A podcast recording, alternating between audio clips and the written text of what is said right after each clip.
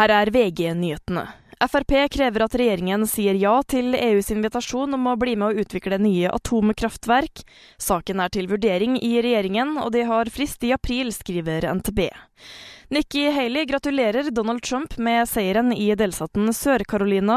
Hun gir likevel ikke opp kampen om å bli republikanernes presidentkandidat. I don't believe Donald Trump can beat Joe Biden. I said earlier this week that no matter what happens in South Carolina, I would continue to run for president.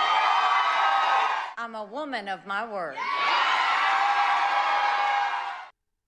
Filmen 'Oppenheimer' er tildelt prisen for beste skuespillerensemble på Screen Actors Guild-utdelingen i Los Angeles. Dette er den gjeveste Sagi-prisen. Tennisspiller Kasper Ruud tapte finalen i ATP-turneringen i Mexico. Det er nå ti måneder siden nordmannen tok en tittel. I studio Miriam Alsvik, nyhetene får du alltid på VG.